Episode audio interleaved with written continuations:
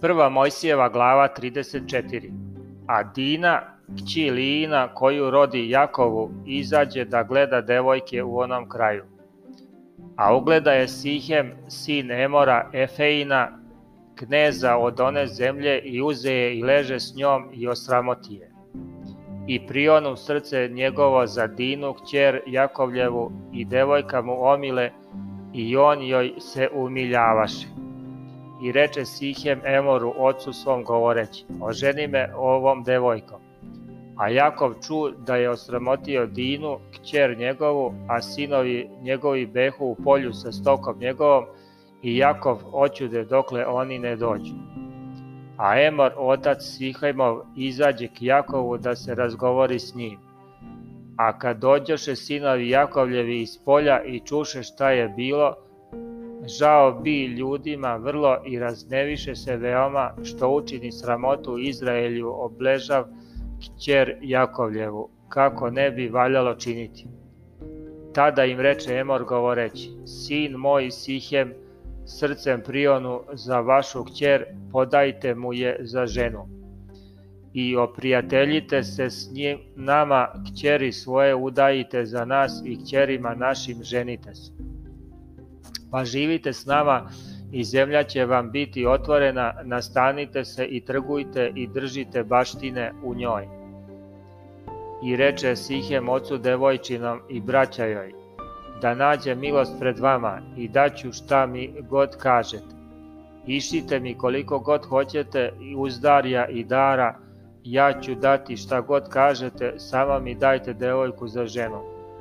A sinovi Jakovljevi odgovoriše Sihemu i Emoru ocu njegovom prevarno, jer osramoti Dinu sestru njihovu.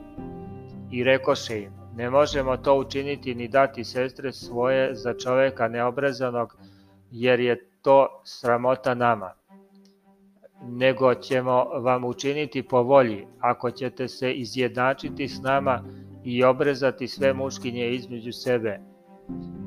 Onda ćemo udavati svoje kćeri za vas i ženit ćemo se vašim kćerima i postaćemo jedan narod.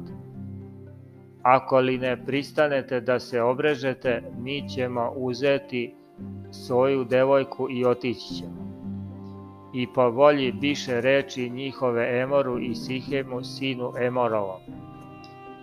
I momak ne oklevaše učiniti to, jer mu kći Jakovljeve, o, Jakovljeva omile veoma i on beše najviše poštovan između svih u kući oca svog.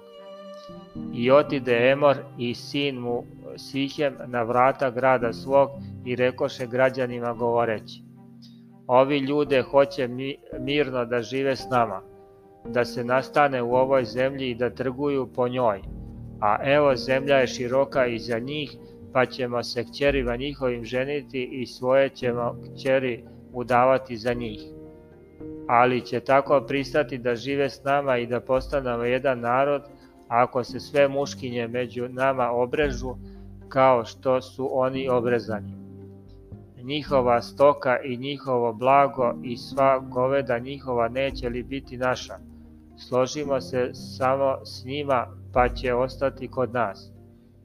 I koji izlažahu na vrata grada njegovog, svi poslušaše Emora i Sihema, sina njegovog i obreza se sve muškinje, svi koji izlažahu na vrata grada njegovog. A treći dan, kad oni behu u bolovima, uzeše dva sina Jakovljeva, Simeon i Levije, braća Dinina, svaki svoj mač i uđoše slobodno u grad i pobiše sve muškinje.